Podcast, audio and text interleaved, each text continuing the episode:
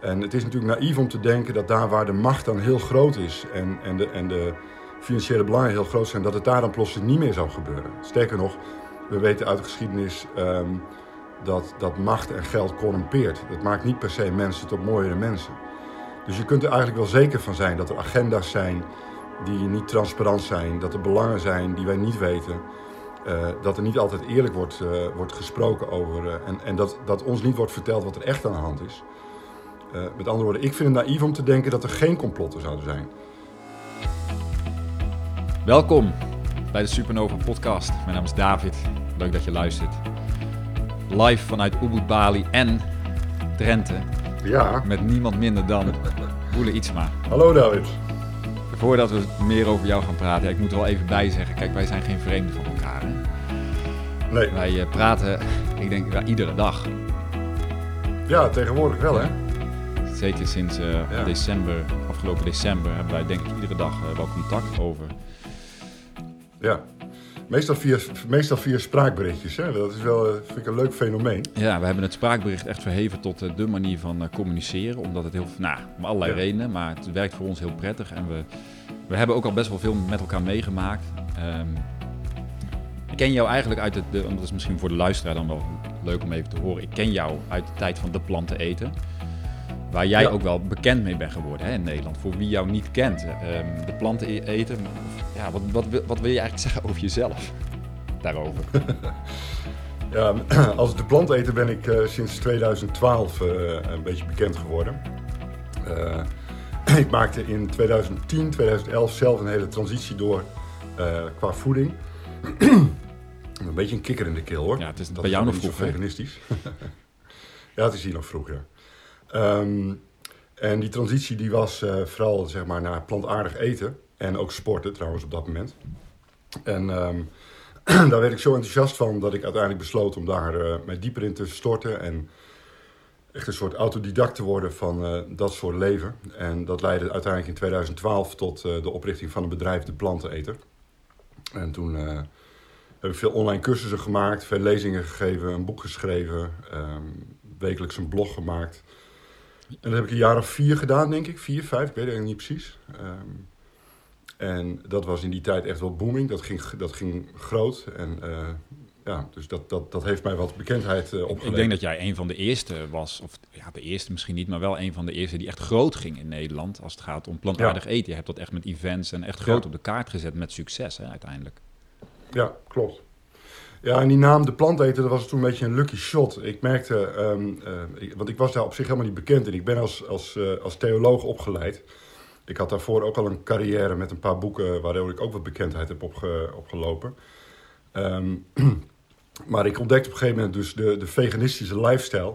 Maar ik merkte ook hoeveel oordelen en uh, ja, negatieve gevoelens bij dat woord veganist destijds zaten. Ja, Nog wel.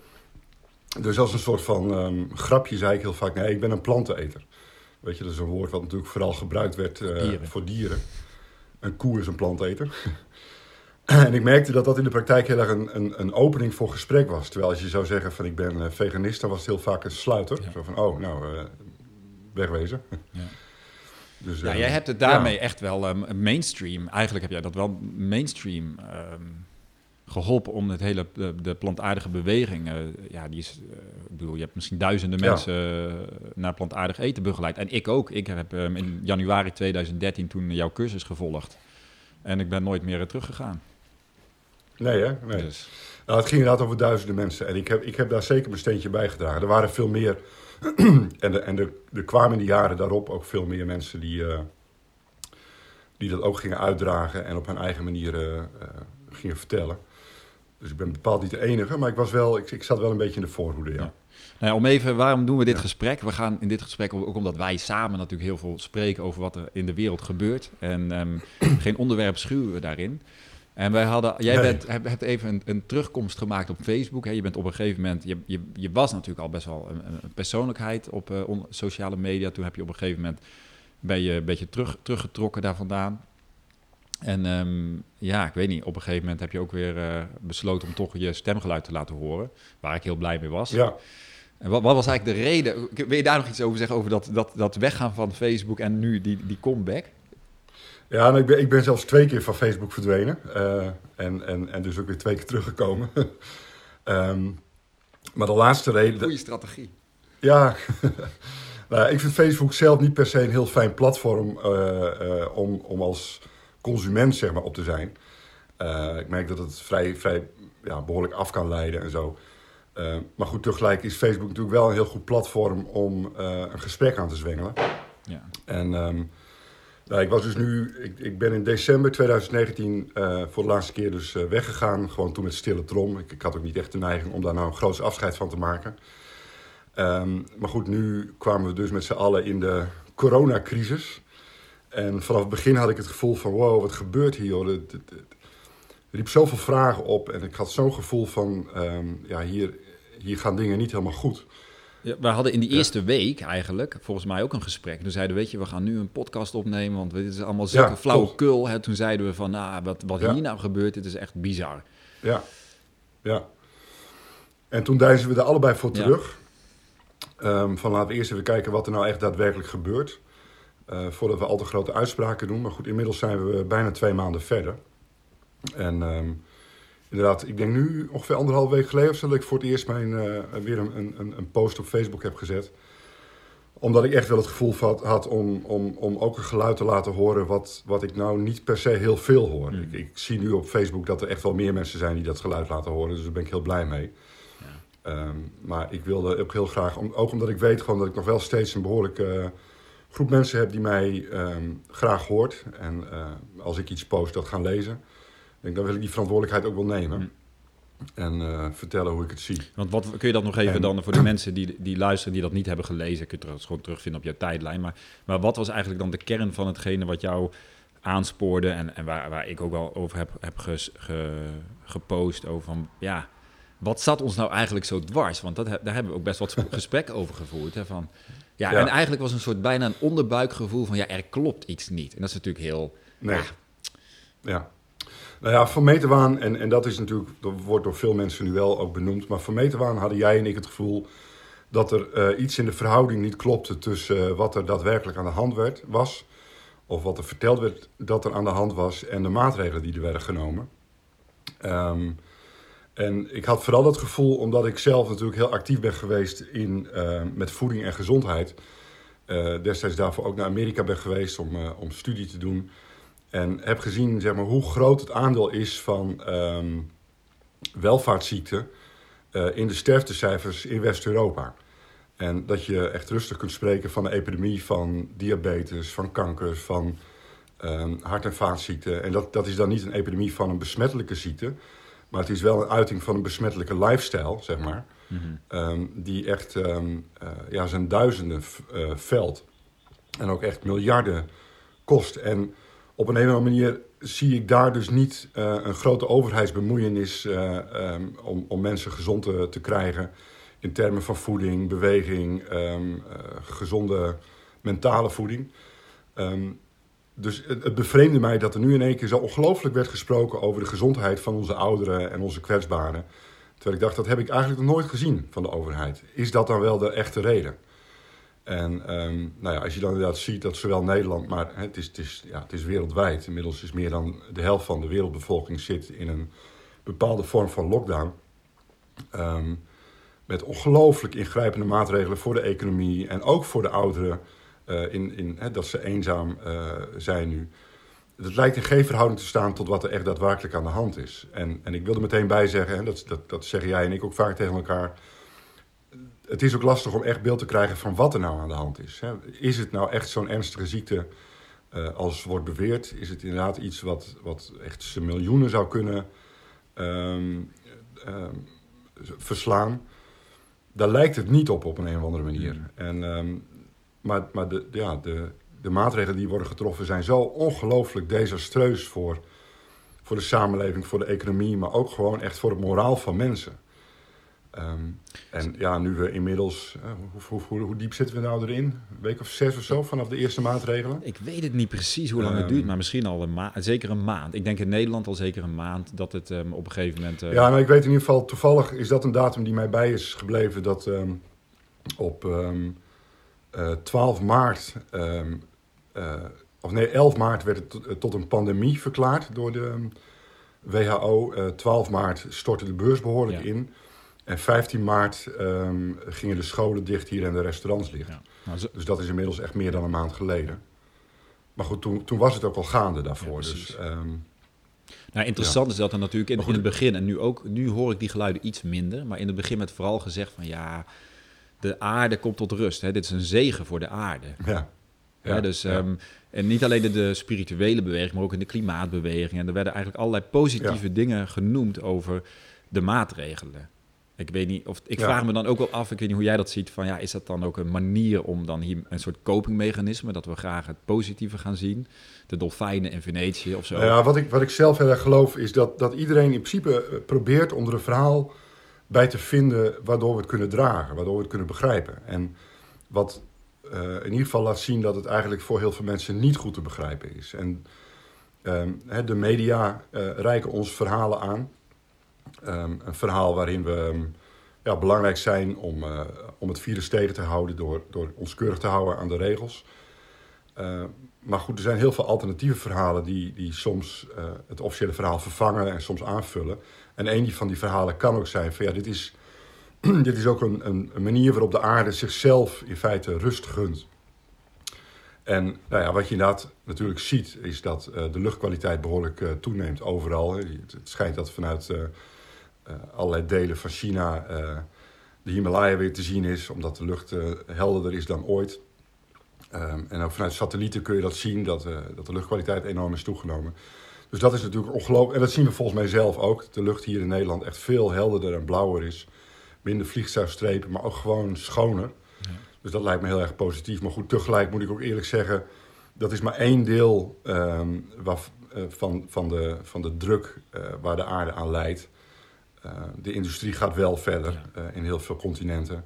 Het is meer een duiding. De, de visserij, de overbev... ja, het is meer een duiding, zeg maar. Ja, de, overbevis, de overbevissing gaat door.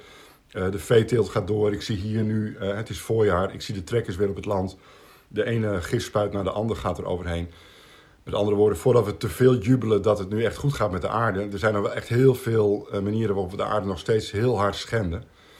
En ehm, de vraag is ook, hè, mochten wij weer uit deze lockdown gaan met z'n allen... of we dan niet eh, een enorme inhaalslag gaan maken...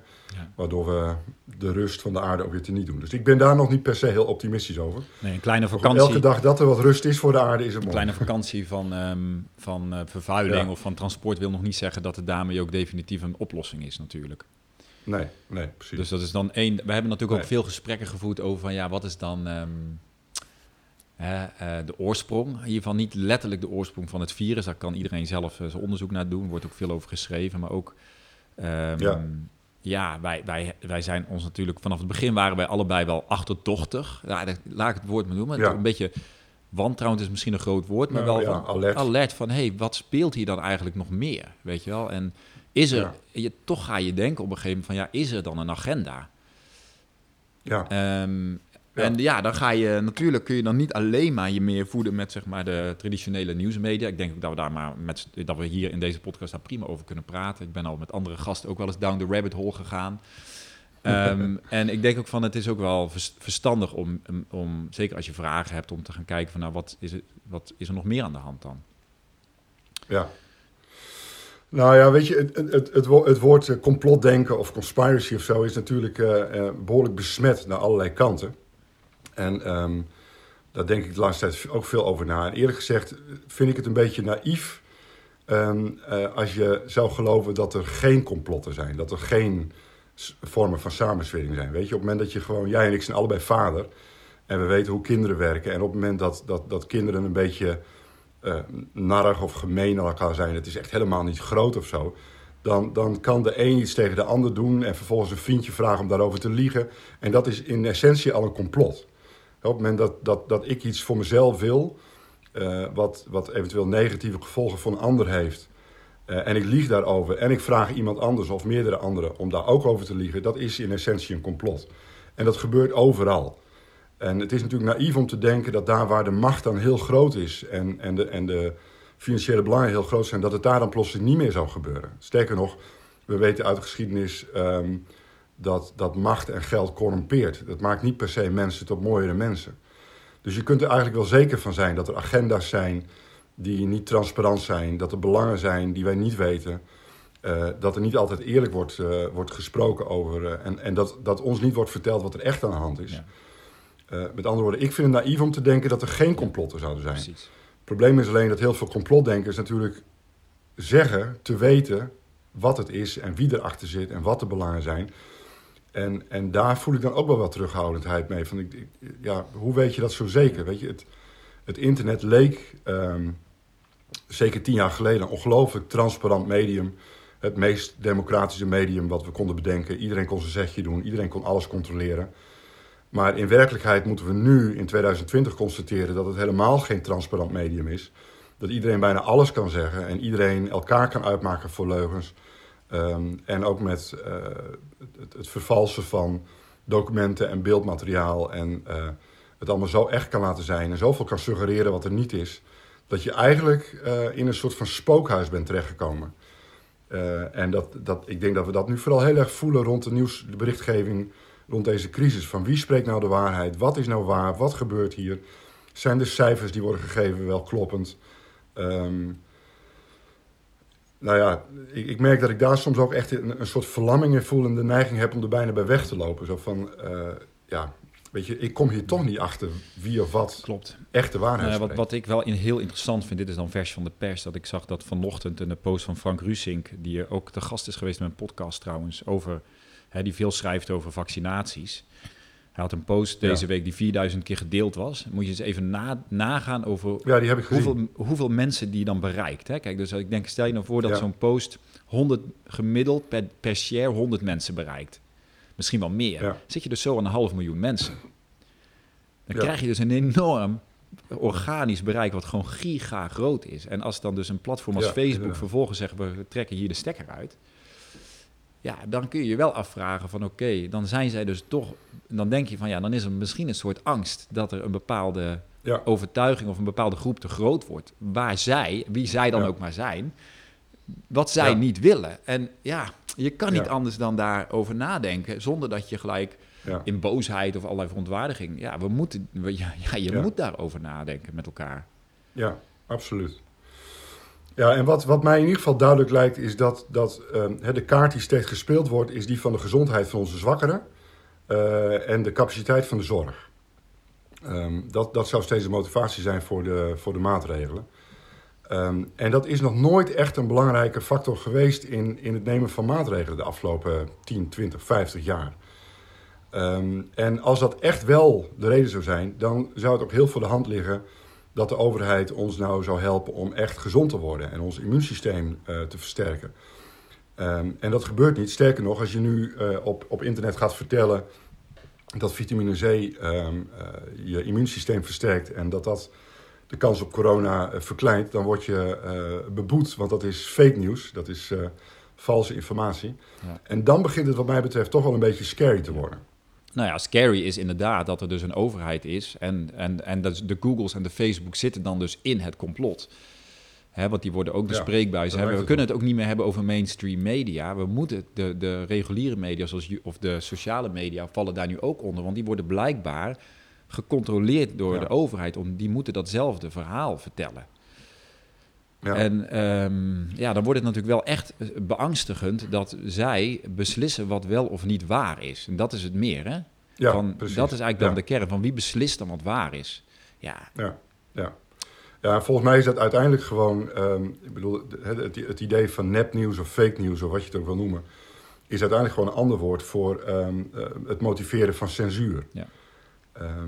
en weet je, als uh, hoe gevaarlijk kan het nou precies zijn dat je, dat je zegt dat vitamine C of een gezonde lifestyle of meer bewegen of meer plantaardig eten uh, je immuunsysteem versterkt. Maar als dat gezien wordt als fake nieuws, uh, ja, dan, dan lijken er echt wel belangen achter te zitten die mensen juist niet gezond willen hebben. En, en nou ja, dat, dat, dat, dat maakt mij wel onrustig. Ja. Hoor. En daar zou ik heel graag ook veel meer mensen wakker in, in, in willen schudden. Dat, dat was een beetje het idee van mijn stukjes. En ik heb verschillende tonen gekozen. Mijn eerste stukje was vrij fel en aanvallend. Onder de titel uh, Corona maakt meer, meer kapot dan je lief is. Ehm, eh, later heb ik ook geprobeerd om, om, om een, een toon te vinden die, die meer verzoenend is. Uh, maar het, het, zijn vooral pogingen om, om mensen wakker te maken. Kijk nog even. Ik bedoel, je hoeft echt niet een hardcore uh, samensweringsgelovige te zijn of conspiracy gelovige te zijn. Om te zien dat het echt niet klopt. En dat de cijfers niet kloppen. En dat voorlopig de sterfste cijfers echt niet heel erg wezenlijk afwijken van uh, eerdere grote griepepidemieën. ja. Um, en, en toen hebben we het allemaal niet gedaan. Het, het klopt niet. Nou ja, we hebben natuurlijk een aantal um, uitzendingen gehad van Dell Bigtree over de Highwire. Dat zal ik ja. ook maar gelijk noemen. Dat is wel ja. echt een, uh, vond ik dus een he aantal hele sterke uitzendingen waar ze dus ook die cijfers gingen controleren. Nou, wij hoeven nu niet op de feiten in te gaan, denk ik, maar... Ja, wat, wat ik mooi vind aan, aan wat hij doet, is dat hij vooral, hè, dat is gewoon kritische journalistiek. Uh, hij, hij postuleert niet een nieuwe theorie van die en die zit erachter. Maar hij zegt alleen, kijk, hier wordt dit verteld en daar wordt dat verteld en dat klopt niet. Ja. Um, en uh, ja, hij haalt gewoon echt de fouten eruit. En ik denk dat dat op dit moment gewoon veel te weinig gebeurt in de gewone media. Hè, wat dan de mainstream media wordt genoemd. Maar in alle eerlijkheid, daar worden weinig kritische vragen gesteld. Ja, ik vind dat ook onbegrijpelijk. Kijk, ik denk dan ook bij mezelf van... Um ja, weet je, je kan er natuurlijk heel veel over zeggen, maar het is, het, het, we gingen van de week allebei volgens mij 1984 erop naslaan. Ik heb daar weer stukjes ja, in zitten lezen. Ja, mijn bed. Die, hè, dus van oké, okay, want ja. wat gebeurt er feitelijk als we gewoon puur naar de feiten kijken, los van alle complotten? Dat betekent dat de overheid of de overheden van de hele wereld nu de hele boel op slot zetten. In meer ja. of mindere mate. En dat betekent dat wij steeds meer onze vrijheden kwijt zijn. En dan kun je dus ja. afvragen, van, ja, dat is de grote vraag. Van hoe belangrijk is onze, is onze vrijheid en hoeveel ja. van die vrijheden gaan wij nu vrijwillig uh, inleveren? En, en dan kun je niet anders dan um, nu ook de, de, het onderwerp vaccinaties opbrengen, waar natuurlijk heel veel over gespeculeerd wordt, ook heel veel complotten over, ja, over uh, te raden gaan. Maar dat is natuurlijk dan wel de vraag van, kunnen wij nog, mogen wij nog zelf beslissen in de toekomst? Nou ja, de geluiden die je daarover hoort, en, en ik bedoel, daar moet natuurlijk de naam van Bill Gates bij vallen. Een man met ongelooflijk veel geld, de tweede of derde rijkste man van de wereld. En met een agenda waar hij niet heel schimmig over is. Hij wil uiteindelijk gewoon echt wel de hele wereld gevaccineerd hebben. En heeft nu ook gezegd dat, dat, dat hij van plan is om, of dat, dat wat hem betreft het zo gaat dat als je niet gevaccineerd bent, dat dat in een digitaal paspoort ja. komt. En dat dat je gewoon uitsluit van allerlei dingen in de samenleving. Met andere woorden, dan is vaccinatie en verplichte vaccinatie een controlemiddel geworden. En los van wat je denkt over, over vaccinatie, uh, uh, of dat wel of niet helpt voor grote pandemieën en of het wel of niet gezond is om dat te doen, ehm, dat het in, wordt ingezet als controlemiddel ehm, en een sturingsmiddel in de samenleving, dat moet volgens mij ons echt allemaal wel een beetje alarmeren. Het, het, het alarmeert mij in ieder geval wel. Nou ja, de, stapjes die er nu al worden gezet, ook in het, door de Nederlandse overheid in die richting. Door nu uh, te gaan spreken over. Um, uh, ik hoorde gisteravond um, de persconferentie weer van Rutte en de Jong. Um, waarin wordt gezegd dat we volgende week krijgen te horen uh, welke apps er nou waarschijnlijk gaan komen. En dan lijkt het er ook op dat die apps verplicht gaan worden. Nou, die, die heb je dan eerst nog op je telefoon. Goed, wat gaat, wat, dat, dat is dan uh, hoegenaamd om uh, op te sporen waar de, waar de besmettingsbronnen liggen. Uh, maar ze leiden ook echt wel tot sturing van mensen. Dus als je dan in de buurt bent geweest van een besmettingsbron, mag je iets niet. Um, en het wordt in ieder geval nu ook verteld dat dat een, een, een belangrijke stap is totdat we een vaccin hebben. En, maar goed, je maakt mij niet wijs dat daarna zeg maar, de app weg zou zijn. Waarschijnlijk gaat de app dan vervolgens registreren of je met wel of niet gevaccineerde mensen uh, in aanraking bent geweest. En of je zelf gevaccineerd bent. Dus ja, ik bereid me er ook op voor, want ik ga in geen geval een vaccin uh, in mijn lijf accepteren. Ja, idem. Um, ik bereid me ook wel voor op een samenleving waar ik van heel veel, heel veel dingen uitgesloten word. En dat we in één keer in die realiteit leven. Um, dat je echt serieus moet gaan nadenken van kom ik ooit nog wel weer een bioscoop in? Mag ik ooit nog een keer naar een publieke sauna? Uh, als ik mij niet heb laten vaccineren en dat niet in een digitaal paspoort heb staan ja, dat we daar in één keer in een paar maanden in die realiteit zijn. Niet, niet als een soort van gedachte-experiment, maar echt in de realiteit daarvan.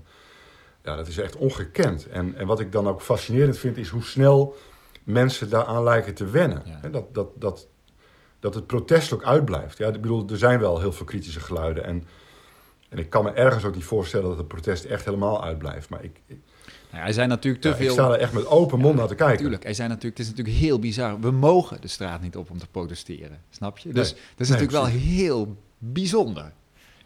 Wij, wij hebben nu bijvoorbeeld ehm, contact zowel met mijn ouders als met mijn schoonouders. Ehm, mijn ouders hielden dat eerst nog heel erg af, maar afgelopen zondag eh, zijn we daar wel heen geweest.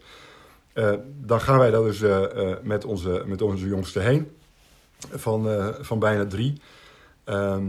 En dat betekent eigenlijk gewoon dat wij op dat moment een daad van burgerlijke ongehoorzaamheid eh, verrichten. Wij mogen nu niet naar onze ouders en daar met z'n vieren, met z'n vijven zitten. Schoonouders idem dito. En ehm, eh, we hadden al een gesprek zelfs bij mijn schoonouders die, die een soort van aarzeling voelden van ja, moet dat hier wel? Want onze buren zijn heel strikt en gaan die ons dan verklikken? En dat ik dan in één keer denk, jongens, hebben wij serieus deze gesprekken nu? Bizar. Ik bedoel, als je, als je ons dit twee maanden geleden had verteld dat we in een wereld zouden zijn waarin het, het bezoeken van je ouders en je schoonouders een, een strafbaar feit is, ja, ik, ik, ik vind dat echt onbegrijpelijk dat we dat met z'n allen. En, en ik snap wel hoe het gegaan is. Hè. De, de kaart die steeds gespeeld wordt, is dat, dat, ehm, dat we dat uit, uit medeleven met onze zwakkeren in de samenleving doen. En eh, dat het tijdelijk is. En, eh, en dus word je ook echt uitgemaakt voor een asociale. Als je dat niet doet. eh, hè, mijn stukjes die hebben ook heel veel kritiek ontvangen op Facebook. En mij is echt verweten dat ik nu doden op mijn geweten heb. En dat ik bloed aan mijn handen heb. Dus er wordt heel erg een morele kaart ge- getrokken. Maar als je gewoon kijkt naar de feiten eh, en, en wat voor gevaar ik dan loop als ik met mijn ouders eh, zit te koffie drinken op hun terras. en de verontwaardiging die dat oplevert en de angst die dat oplevert, eh, dat staat in geen verhouding. Dat staat echt in geen Nou, en verhouding. het bizarre is natuurlijk dat je uiteindelijk een samenleving krijgt waar de mensen elkaar gaan controleren. Ja, Hè, dus je hebt niet Ja. eens meer die politieman nodig, die ik trouwens ook zag vandaag. Echt een, een wijkagent die daadwerkelijk, als jij dus met iemand in de auto zit, die niet uit jouzelf ingeschreven is op hetzelfde adres. Ik kon het gewoon niet geloven. Ik dacht gewoon van, meent deze meneer dit nu echt? Dus hij gaat, je wordt niet eens, je krijgt geen waarschuwing, je wordt op de bon geslingerd als jij op pad bent met iemand in de auto die niet bij jou ingeschreven staat. En als je closer bent met iemand dan anderhalve meter. Het is echt te bizar voor woorden als ik het vind. Nou ja, en dan natuurlijk het, het feit van, als we het dan over die vaccinaties hebben, van oké, betekent ook dat wij dus zelfs al zou je, ja, misschien wel denken van, nou, ik moet die vaccinatie hebben, want ja, hè, ik wil niet ziek worden. Dan supporten wij de allergrootste multinationals van deze wereld, die echt al heel veel Ja. bloed aan hun handen hebben. Weet je wel? Ja. Dus, dus daar Ja. gaat ons geld ook naartoe als een land. Hè? Want de Nederlandse staat en Ja. de landen van de wereld die kopen die vaccins bij die bedrijven in. Ja, dat is natuurlijk een giga ehm, gewoon Ja. verdienmodel. ja. En het hele vrijheidsthema. Ik denk dus ook wat jij zegt over de bioscoop. Ik denk, ja, ik, wij hebben als gezin besloten om in eh, Bali te blijven. Ja, ik, wij wilden deze zomer naar Nederland komen. Maar ik, ik denk dat dat niet gaat gebeuren. Dus ik, niet omdat Nee, ik dat niet zou willen, maar ik denk dat het vrij onwaarschijnlijk is dat wij de komende maanden de kans hebben om hier weg te komen. Vervolgens mocht er daadwerkelijk zo'n vaccin. ehm, ja, mocht dat echt werkelijkheid worden. En ik kan bijna, ik, ik wil er echt niet heen. En ik mag niet meer vliegen zonder gevaccineerd te worden. Ja, dan, Dan kom je daar dan kom ik hier dus niet meer weg. Nee, bizar hè? Het is wel bizar, ja. Ja, ja. Het is echt ongelooflijk dat je voor zulke soort keuzes, in één keer komt te staan dan. En je hebt, want die, die, neem je dan niet, die neem je dan niet alleen voor jezelf, maar ook voor je kinderen en voor je grootouders en, en voor je ouders en dus de grootouders van je kinderen. Ja. En in één keer, eh, zeg maar, waait dat helemaal uit naar je hele leven. Ehm, ja, omdat een overheid heeft besloten dat, dat, dat een vaccin eh, verplicht is. Dat is. En misschien lopen we op de zaken vooruit. Hè? Er zijn natuurlijk ook mensen die zeggen van nee, dat, dat, Ja, dat zou kunnen. laten we hopen dat we op de zaken vooruit lopen. Maar ik wil ook de, de mogelijkheid niet zomaar... Ik, ik wil het ook niet, niet benoemen uit angst. Zo Nee. van, oh nee, laten we daar maar niet over praten. En dat is, ja, is kijk, ook een geluid, hè? de grap, ik denk. Wat? Nou ja, van, ehm, je moet vooral eh, positief eh, uitgaan van het positieve. Nou, Ja. Ik wil vooral uitgaan van de realiteit. Ja. Ja, Ja, dat is ook interessant wat er, hoe, er, hoe er gesproken wordt over angst. Hè? Dat, dat angst zou een slechte raadgever zijn en we moeten vooral niet in angst zijn. Ook mijn stukjes, dat werden wel. eh, en daar werd vermoed dat dat uit angst voortkwam. Eh, nou, dan ben ik helemaal geen bange man en ik ben niet bang voor het eh, coronavirus. Sterker nog, het lijkt erop dat, het, eh, dat ons gezin corona heeft gehad. Eh, maar goed, we worden niet getest, dus dat zullen we nooit zeker weten. Maar we hebben wel even contact gehad met de huisartsen. Maar ik ben er niet bang voor. Ehm, en ik ben eigenlijk ook niet bang voor wat er in de samenleving gebeurt. Ik ben ook niet per se bang voor de overheid. Ehm, maar ik voel wel een alertheid en een soort van bezorgdheid van naar wat voor samenleving zijn we onderweg. En, en ik denk dat angst niet altijd een slechte raadgever is. Ik bedoel, ik gebruikte afgelopen weekend uh, in een gesprek nog het voorbeeld van als je in een, in een kurkdroog bos woont met, je, met een houten huis en er is een, een bosbrand en de wind staat jouw kant op. Uh, dan lijkt het me heel zinvol om bang te zijn en vanuit die angst ook te handelen. Uh, als je dat niet doet, ben je gewoon heel naïef bezig. Met andere woorden, uh, de grens tussen alertheid en bezorgdheid en angst is een hele dunne. En angst is, zit niet voor niks in ons. Ik bedoel, als je bang bent voor lieve heersbeestjes, dan denk je dat het goed is om even te kijken van kun je niet van die fobie bevrijd worden. Maar, maar angst voor een samenleving die op hol slaat vanuit paniek of angst voor... Um, ja, en angst is nogmaals niet per se het goede woord, maar laat ik dat woord toch gewoon blijven gebruiken. Angst voor een overheid of voor misschien wel krachten achter overheden, uh, die niet per se het goede met ons voor hebben, lijkt mij helemaal niet irreëel en, en, en moet wel um, nou ja, gewoon alert blijven. Nou ja, weet je, het is natuurlijk heel interessant dat um, de Googles en de Facebooks, um, of Google en Facebook hier dus ook een bepaalde partij kiezen. Ze, ze, laten heel duidelijk ja. zien dat zij achter het beleid van de overheid staan en dus het officiële verhaal volgen. En ik, ik, de realis, ja. ik, realiseerde me nog iets deze week. En dat is ook, dat is, ja, weet je, het kan zijn mijn eigen gedachtentreintje. Ik, ik denk dat ik het jou vertelde, maar deze, vanochtend gebeurde het me weer. Ik heb een internationale bankrekening en die, die log ik me in ja. met Google. Zoals je met heel ja. veel dingen met Facebook en Google kan inloggen. En ik ging hier in Ubud pinnen deze week. En op een gegeven moment kwam er geen geld uit de automaat. Maar het werd wel afgeschreven nee. van mijn account. En op een gegeven moment ging er een lampje branden en ik denk, oh, maar als ik dus hier ja. een bepaalde agenda of een bepaalde ideeën via Google en Facebook de wereld inbreng. En men wil mij censureren. En men wil mij. Alles is gekoppeld aan elkaar. Dus dan kan bij wijze van spreken ja. Google gewoon ja. zeggen van nou, we gaan deze meneer mag even niet meer pinnen. En de cashloze samenleving, daar wordt ook al over gesproken. Dus als er geen cash meer in omloop is en alles is digitaal, en dan kunnen ze, dan hebben we het ook, dan controle is gewoon mogelijk. Weet je wel, of het gaat gebeuren en of ik dan een zwartkijker ben, dat maakt helemaal niet uit. Het gaat gewoon puur om het feit van, oké, die... Nee, maar goed, dat, dat dus is inderdaad wel wat je zegt. De, het, ja, het maakt ons wel bewust van de kwetsbaarheid die er is ontstaan. Um, hè, er wordt nu natuurlijk met, met, met opnieuw een verwijzen naar een besmettelijk virus gezegd... probeer zo weinig mogelijk contant geld te gebruiken. En winkels vragen er ook, sommige winkels uh, accepteren geen contant geld meer. Andere winkels geven aan dat ze een voorkeur hebben voor uh, uh, pinnen... Um, en nogmaals, vanuit het idee van er is een besmettelijk virus en het kan op, op, op ons geld zitten, is het natuurlijk allemaal heel begrijpelijk en hoef je dat niet groter te maken. Maar het maakt wel bewust van het feit dat dat, dat ook doorgezet zou kunnen worden. Zo weet je wat, we schaffen het cashgeld helemaal uit. En er zijn heel veel geluiden, ook al voor deze crisis, uh, die daarop wijzen dat dat, dat dat gewenst is door allerlei partijen. En op het moment dat zeg maar, alle financiële verkeer via uh, digitale media gaat, en via pasjes en via het internet, en gekoppeld is uh, aan onze persoonlijkheid, onze ID, waar dan ook, uh, realiseer je in één keer dat je dus niet meer zelf uh, je financiële transacties in de hand hebt. En in principe is het dan helemaal niet meer ondenkbaar dat je of door een fout of door een gewilde actie van een bepaalde partij uitgesloten wordt van het economisch verkeer. En dan zit je in één keer gewoon echt helemaal op je gat. Ja. En wat mij er ook toe zet om heel erg na te denken Volgens mij, ik, ik, mijn laatste post was een van negen vragen die, uh, ja. die, die we ons zouden kunnen stellen nu we in deze crisis zitten. Van hoe zouden wij eigenlijk de samenleving willen inrichten als we hier doorheen komen? En een daarvan is wat mij betreft dat heel veel dingen gedecentraliseerd zouden moeten worden. Dat we weer terug moeten naar veel kleinere communities, kleinere gemeenschappen. En hoe dat er precies uit moet zien, weet ik niet. Uh, maar ik zou willen, hè, want hoe groter die, die, die, uh, die structuren zijn, hoe groter de gemeenschappen zijn waarbinnen wij uh, handelen en, en ook financiële transacties doen, hoe groter de macht van partijen die dat faciliteren. Um, en ik zou heel graag terug willen naar, naar, naar kleinere eenheden en naar decentralisatie, naar misschien gewoon landen of zelfs dorpen, steden, die dat zoveel mogelijk in eigen hand houden, waardoor, waardoor je ook ziet waar het blijft en waardoor de, de macht ook beperkt blijft. Ja, mooi. Het is eigenlijk, ik dacht ook net van het is eigenlijk wel mooi om te na, om, het is mooi om erover na te denken en te filosoferen over ja, maar wat voor samenleving zouden we willen na dit hele, als ja. dit overgaat en hoe dit ja. dan ook maar overgaat. Maar het voelt ook een beetje, ja. als, en dat is dus een beetje het tricky punt. Het voelt ook een beetje alsof we dus de controle, zeg maar, je letterlijk uit handen wordt genomen. Want de vrijheden worden dus aangetast. Dus het is ook best wel lastig, kan ik me voorstellen. Ja. Ehm, en ik voel dat zelf ook, ga zelf ook op en neer hoor, daarin. Ehm, ja, alsof het, en ik zei ook al van, ja, het lijkt een beetje alsof de tijd stilstaat. Hè? Alsof er even niet zoveel Ja. gebeurt.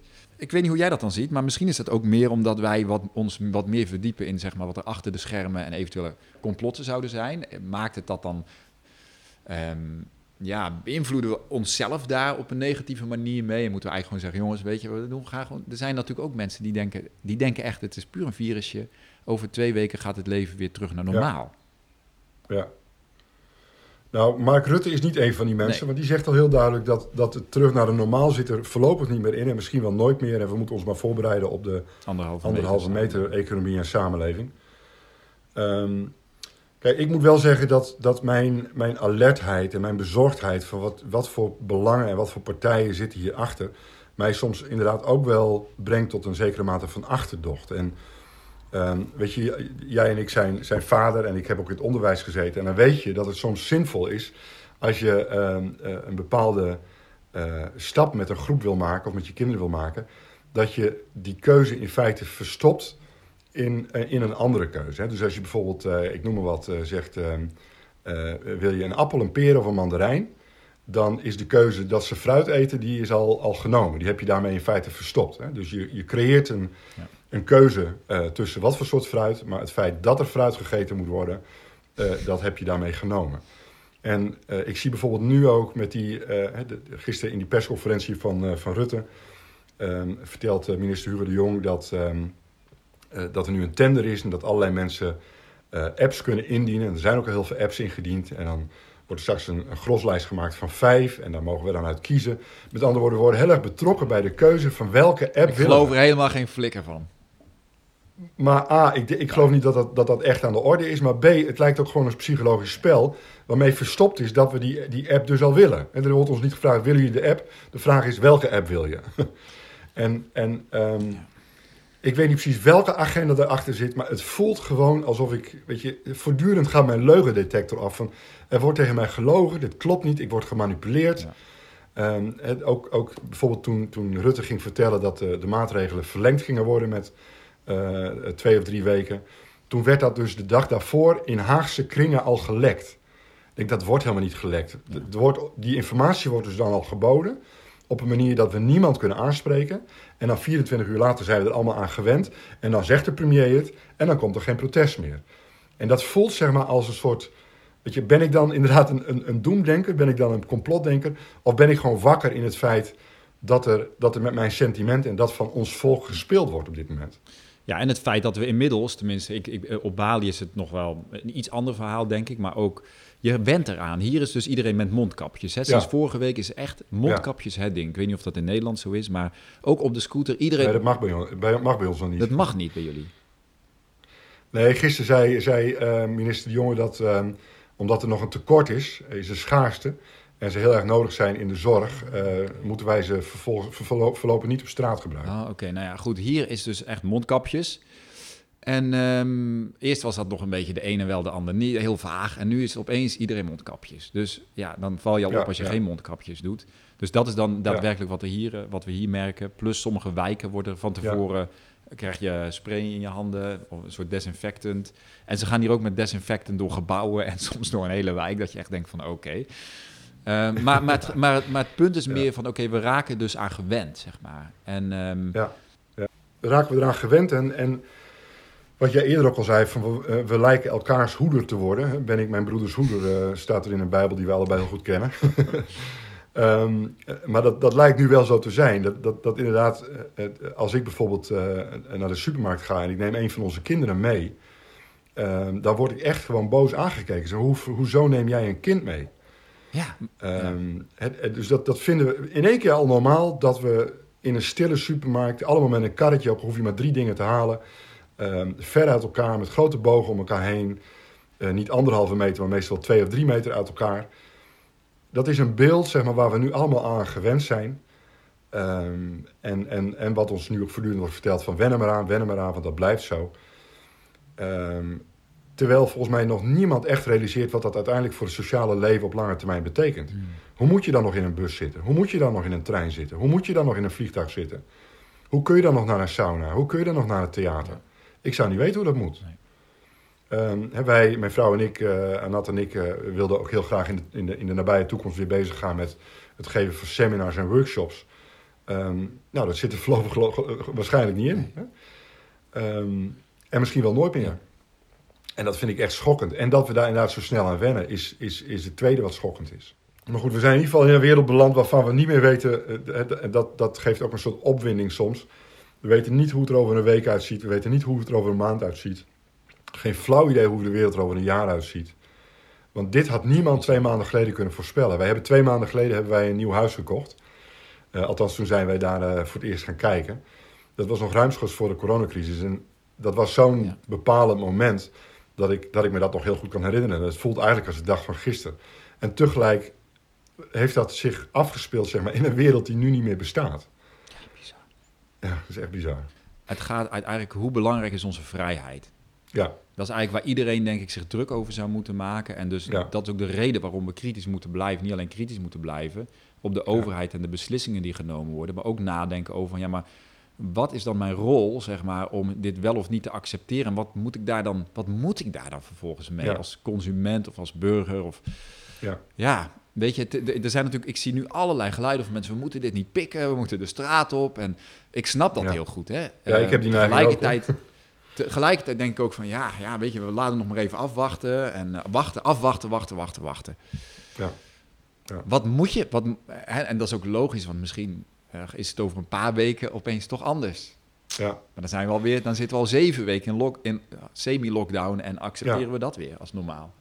Ja. Lastig hoor, vind ik. Nou ja, het, vraagt, het vraagt inderdaad moed om je nu wel uit te spreken, wetend dat je niet alles weet. En wetend eh, dat, je, dat je geen voorspelling over de toekomst kunt doen. En de beweging die wij hebben gemaakt, jij en ik, helemaal in het begin erover willen praten, publiek. Vervolgens toch gezegd, nee, doen we niet. We praten er samen over, we willen hier eerst meer vat op krijgen. Eh, vervolgens heb jij in jouw video's en, en in je stukjes er wel dingen over gezegd. Ben ik ook teruggekomen op Facebook. Maken we nu toch de podcast. Maar ook ik merk nu dat ik, dat ik wel... Ik probeer wel terughoudend te zijn. Zo van, wat kan ik nu wel zeggen... Wat ik, wat ik kan dragen in mezelf. Wat, wat, wat voor mij in ieder geval klopt. En eh, ik denk ook dat het belangrijk is om onderscheid te maken... tussen, tussen dat wat we echt niet weten... Wat ik ook in mijn laatste eh, stukje heb geschreven. Ik zit niet aan tafel bij de WHO. Ik zit niet aan tafel bij het eh, eh, OMT of bij het kabinet. Ja. Ik heb geen inzage in de belastende documenten die aantonen dat partij X dat en dat wil. Ik weet het allemaal niet. Maar wat ik wel weet is dat ik, dat ik zie hoe de maatschappij zich nu ontwikkelt. Hoe ik word bejegend in een supermarkt. Wat ik wel kan en niet kan. Hoe het uitgestorven is in alle dorpen en, en steden in Nederland en over de wereld. Dat is wat ik kan zien. En, ehm, eh, eh, en, en staat dat nou echt in verhouding tot, tot de dreiging die. Weet je, zelfs al is het waar wat ze zeggen over corona, dan nog heb ik het gevoel staat niet in verhouding. Ja. En ik weet niet eens zeker of het waar is wat ze zeggen over corona. Trouwens, toch nog wel even goed. We hebben natuurlijk ook allebei ehm, zeg maar de documentaires gezien. Er gaan een aantal documentaires ronden die wel echt heel diep de Ja. rabbit hole ingaan. Ehm, en er zijn Ja, misschien ook wel zeker. steeds meer mensen, hè, ehm, denk ik ook in onze, onze kringen. Weet je, nou ja, wij zijn natuurlijk allebei, hebben onze kinderen niet gevaccineerd. We eten al plantaardig. We zijn al niet het mainstream, zeg maar. Hè. En de, ik denk de luisteraar en, en jou, de mensen die jou volgen, die mij volgen, zijn ook al niet mainstream. Hè, dus dat Nee, zijn al een beetje de mensen die hun eigen gang gaan, voor zichzelf nadenken tussen haakjes. En, en ja, dan zullen er waarschijnlijk ook, net als wij, ook mensen hebben die, die, die documentaires hebben bekeken. En ik zie het ook hoor, op mijn Facebook, dat mensen het ook als ehm, de waarheid zeg maar, gaan overnemen. Nou, Ja, ja. Wij zijn er allebei ook intens door geraakt, hè, door die ja documentaires. heel erg, ja. ja. Ja, de documentaires waar je het over hebt, is, is, is natuurlijk die van ehm Jeannette The Ossenbaard. Fall of the Cabal van, eh van Jeannette Ossenbaard.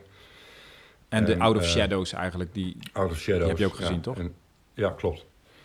En zo zijn er nog wel een paar ook wat oude ehm, Ja. documentaires. En die, worden, hè, die liggen natuurlijk in het hart van wat eh, conspiracy-denken wordt genoemd. Ehm, en toch denk ik dat het zinvol is om er wel notie van te nemen. En ehm, jij en ik zijn allebei wel gecharmeerd door de inmiddels eh, al heel lang overleden denker en eh psychonaut Terence McKenna. Zeker. Eh, die eh, bekend is van eh, de, de, de paddo's en de DMT die hij bekend heeft gemaakt. En daar ook heel veel informatie uit heeft gehaald om zijn wereldbeeld te vormen.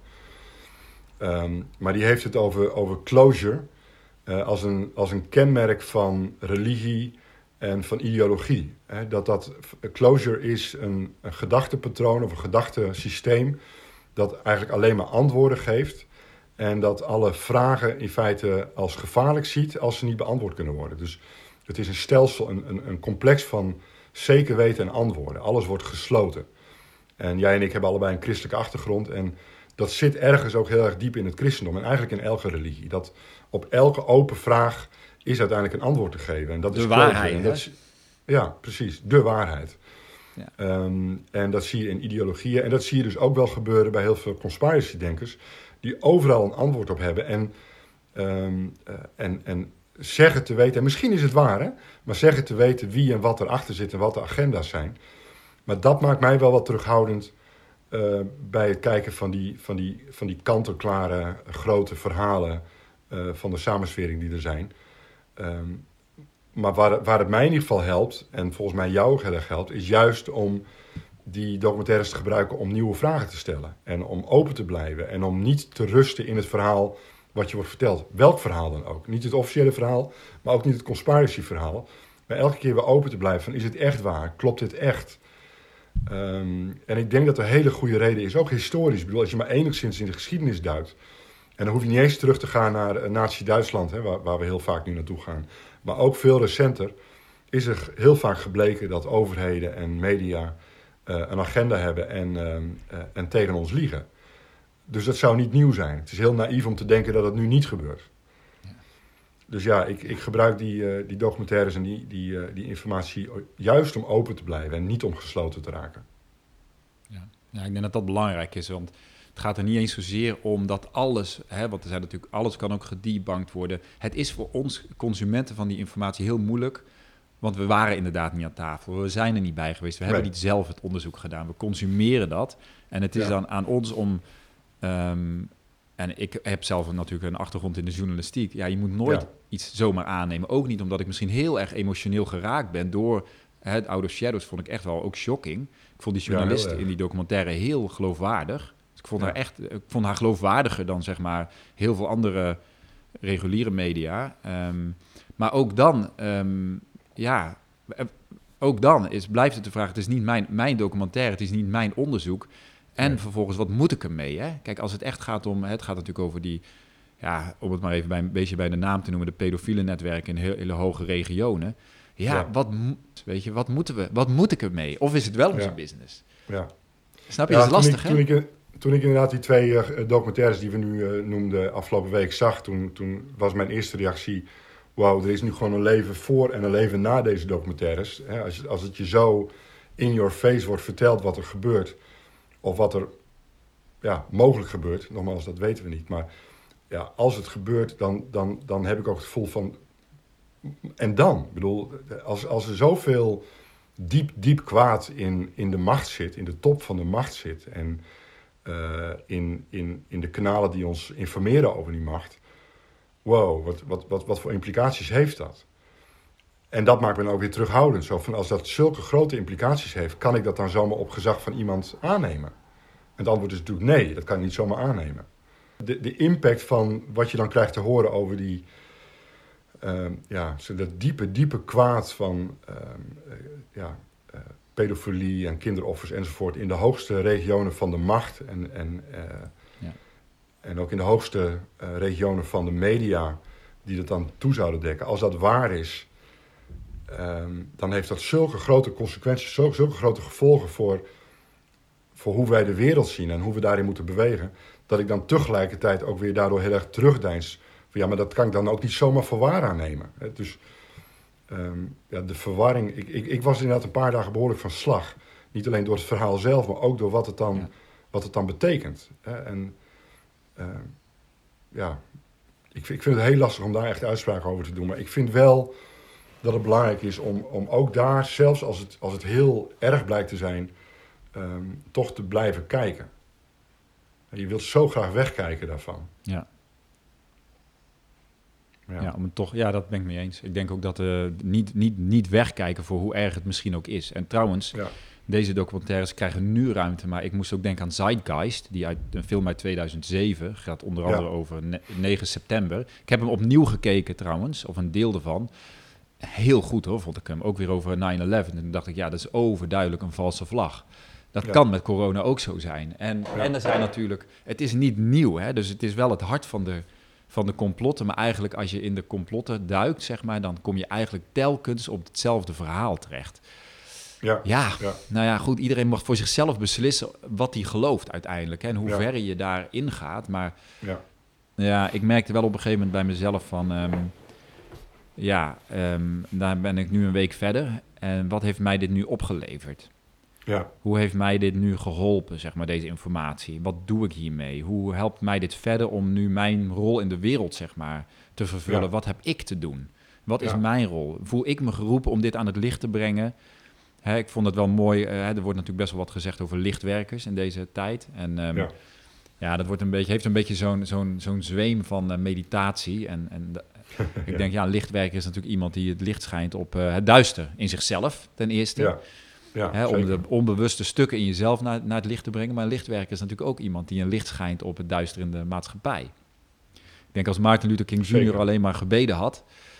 En als hij nooit zijn mond had open gedaan, ja, dan, dan had hij niet bereikt wat hij had bereikt. Hè. Dus er is natuurlijk wel iets voor te zeggen om ons uh, om ja. ja. ons ongenoeg, of om de waarheid zeg maar aan het licht te krijgen. Maar dat is natuurlijk precies het punt. Als je heel dieper op ingaat, ja, hoe weet ik echt dat dit echt waar is? Want wat ik voel erbij, ja. die emoties worden natuurlijk ook gewekt door een heel, echt een verschrikkelijk verhaal. Tuurlijk raakt dat mij. Klopt, ja. Nou ja, jij en ik hebben natuurlijk daarin ehm, ehm, ook, ook een voorgeschiedenis die, ehm, die wel een, een zekere mate van verwantschap heeft. Namelijk het verdiepen in eh, de, de industrie van dieren. Ja. En uh, de manier waarop uh, wereldwijd met dieren wordt omgegaan en hoe, hoeveel leed daarbij betrokken is en hoeveel, hoe, hoe dat ook onzichtbaar wordt gemaakt, zowel voor de consument als in de politiek. Daar, dat is heel duidelijk dat mensen daar graag van wegkijken en er heel veel belangen hebben om weg te kijken en zeggen: Ach, mm. weet je, ook in spirituele kringen. Zo van, het is ook een kwestie van leven en later leven. Ehm, maar uiteindelijk is het dan een excuus om vooral niet te kijken naar het immense leed wat uh, deze industrie aan dieren uh, toebrengt. Mm. en ja, dat lijkt nu, ik bedoel, dat was lange tijd voor mij ook, ook best wel een grote strijd. Ik heb ook een tijd lang daar best wel fel over geschreven. Um, en het lijkt nu bijna te verbleken zeg maar, bij wat we nu meemaken. Terwijl het tegelijk nog steeds doorgaat. Hè? Dus dat is een probleem wat helemaal niet is opgelost. Maar wat nu helemaal eventjes uh, ja, onder de radar lijkt te verdwijnen. Uh, maar daarin heb ik wel gezien dat er heel veel redenen zijn voor mensen om niet te willen kijken. Tja. En daarmee in feite zich schuldig maken aan, uh, aan het voortzetten van het onrecht. Ik vind het wel heel treffend dat je deze vergelijking maakt hoor nu. Dat jij dus nu um, het, het, het, het, dierenleed wat, wat weggemoffeld wordt, ja. En het um, leed wat dus aan kinderen gedaan wordt. Ja. Ja, vind ik wel... Uh, ik word er wel even stil van. Ja. Ja, nou ja, het is inderdaad um, de vraag van durf je te geloven dat er zulk groot kwaad in de wereld is. En, en, en ik kan daar zelf niet meer omheen. Ik bedoel, ik ben niet per se een pessimist. Ik denk ook dat er ongelooflijk veel goed is. Dat mensen in staat zijn tot heel veel goeds. Dat er mensen zijn met een enorm groot hart en met hele grote moed. Maar ik denk ook dat, ehm, eh, dat er heel veel diep, diep kwaad is. En dat kwaad wil natuurlijk uh, onzichtbaar blijven. Anders dan kan het niet doorgaan. Dus dat wil onder de radar blijven. Dat wil in het donker blijven.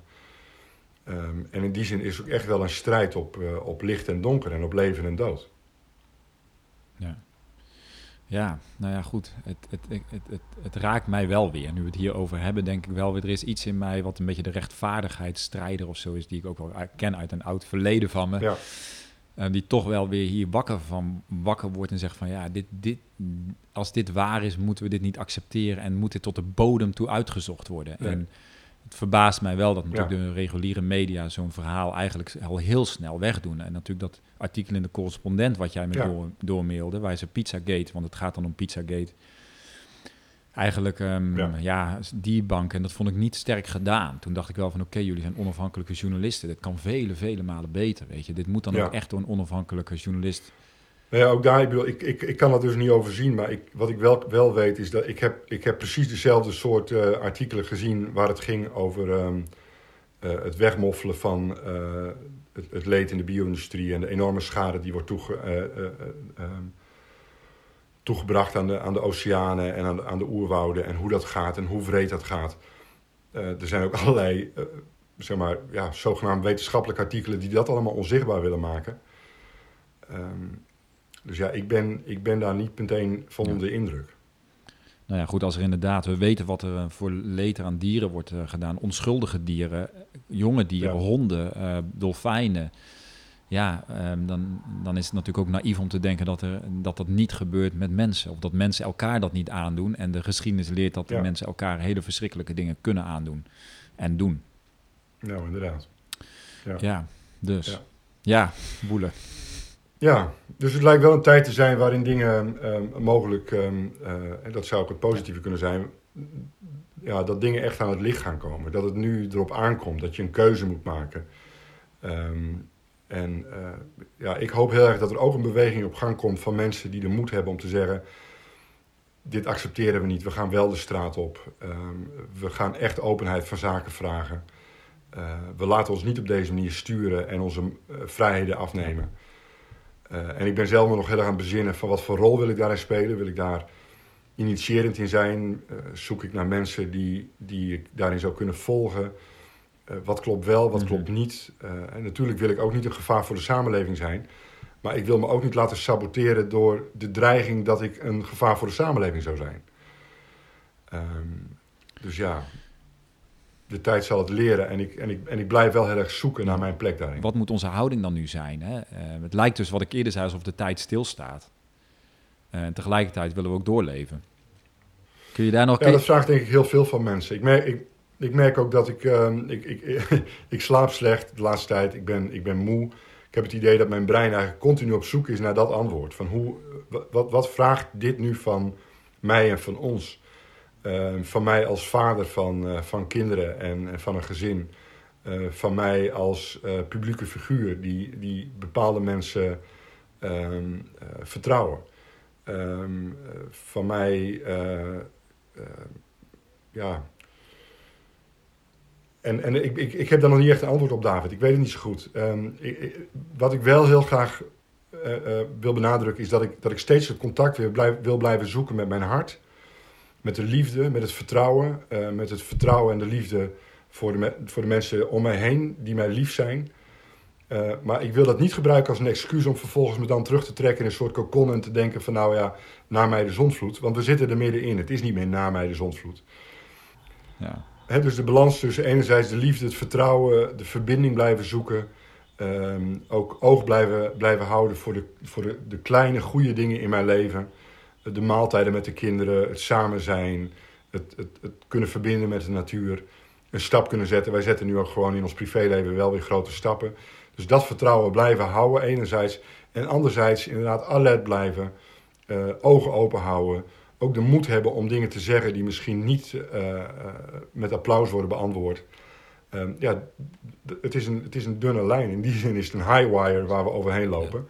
Eh, en is het echt Ik koordans. voel, mezelf, ik voel hem zelf ook. Ik had een paar video's dus gemaakt op Facebook die ik dacht van, nou ja, eentje was meer gewoon zo toevallig opgenomen. En het werd ook enorm veel, is ook heel veel opgepikt, kreeg ik ook veel reacties op. En toen later dacht ik ook van, ja, ik ben hier ook gelijk weer klaar mee. Weet je, dus het is ook wel, als het gaat om je stem vinden, jij en ik zijn allebei in een bepaalde mate publiek figuur. Ehm, in ons kleine eigen wereldje dan, maar toch, weet je wel, om toch iedere keer die weg naar buiten te vinden en echt te voelen. Ik vind dat zelf ook de uitdaging. Wat voel ik echt daarover? En wat kan ik zeggen? Wat, wat, Ja.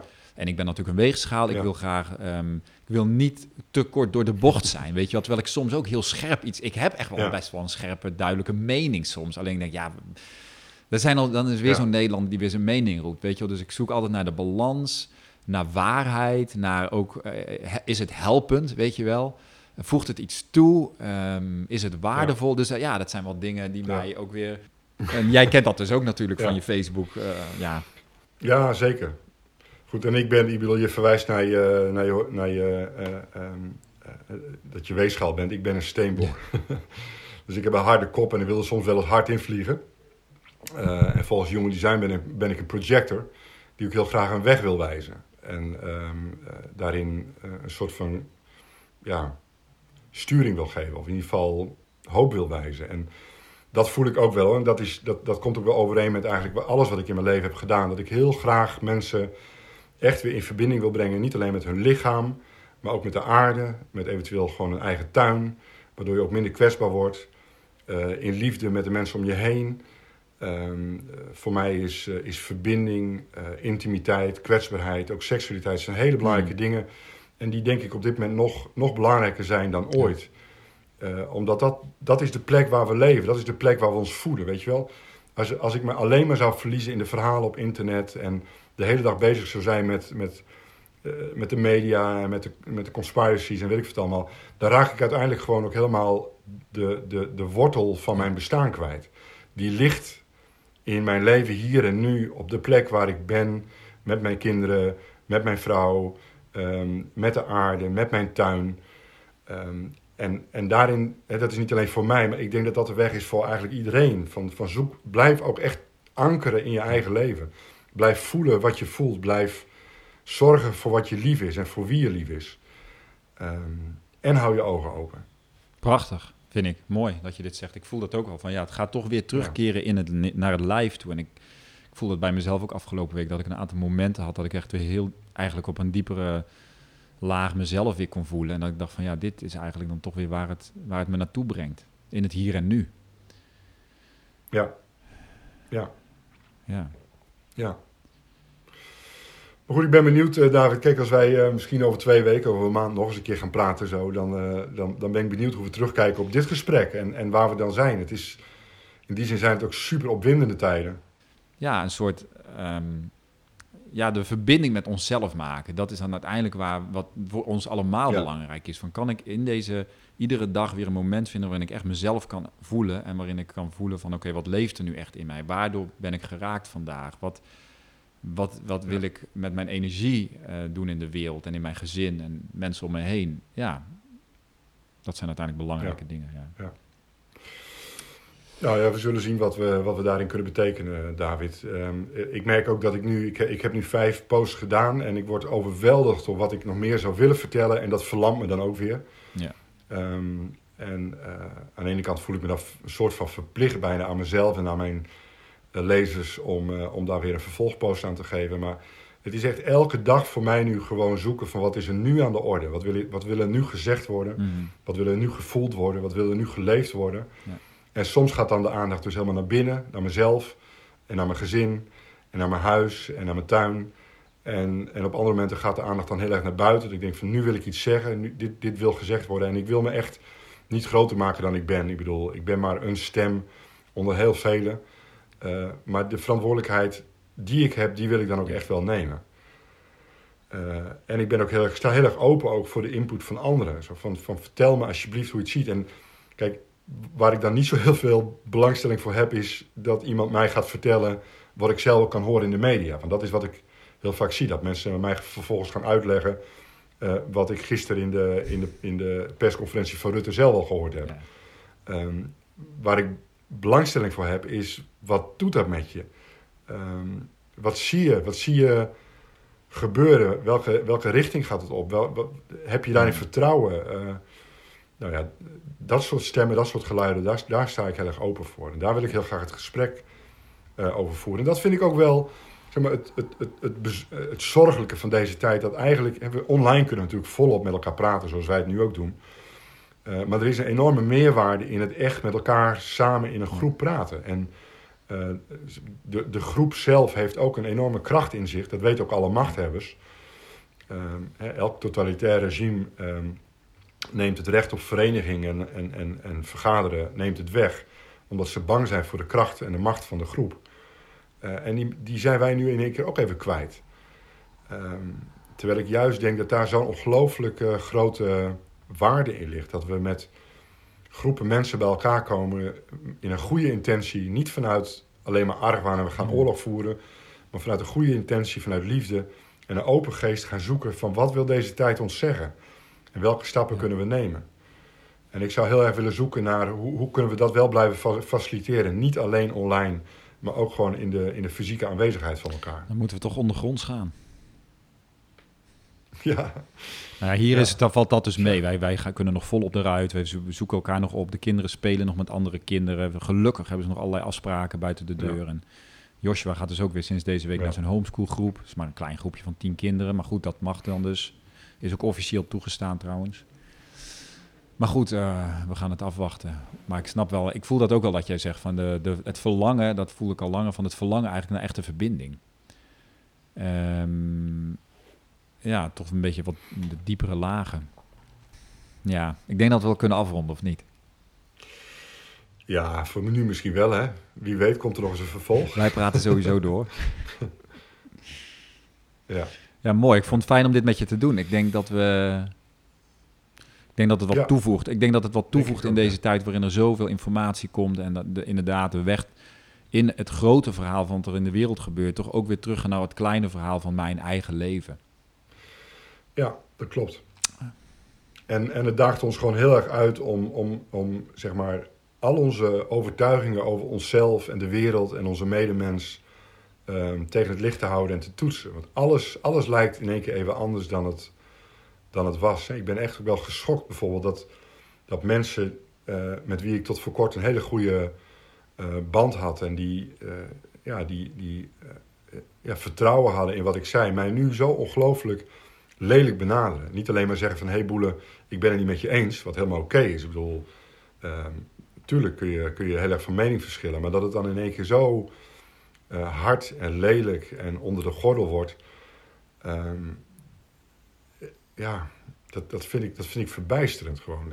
Dat is een bijeffect, en misschien is het wel een, een hoofddoel, dat weet ik niet, van de, van de mensen die, die, die erachter zitten.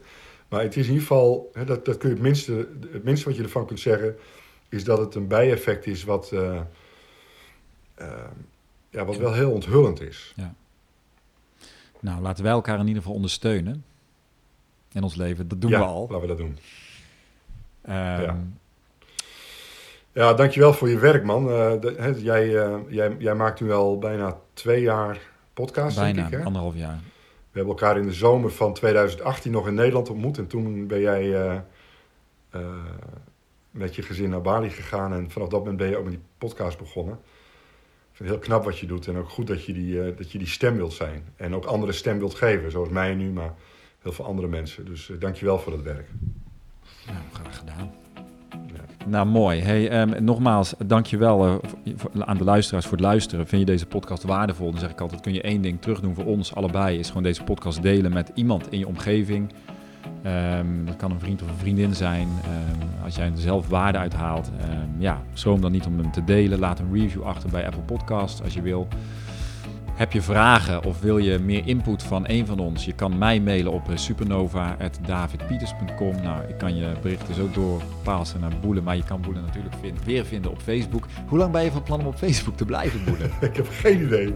Ik doe, ik doe daar geen uitspraak over. Um, we gaan het hierbij laten. Dankjewel voor het luisteren. En um, tot snel. Doeg. Boele, dankjewel. Ja, graag gedaan.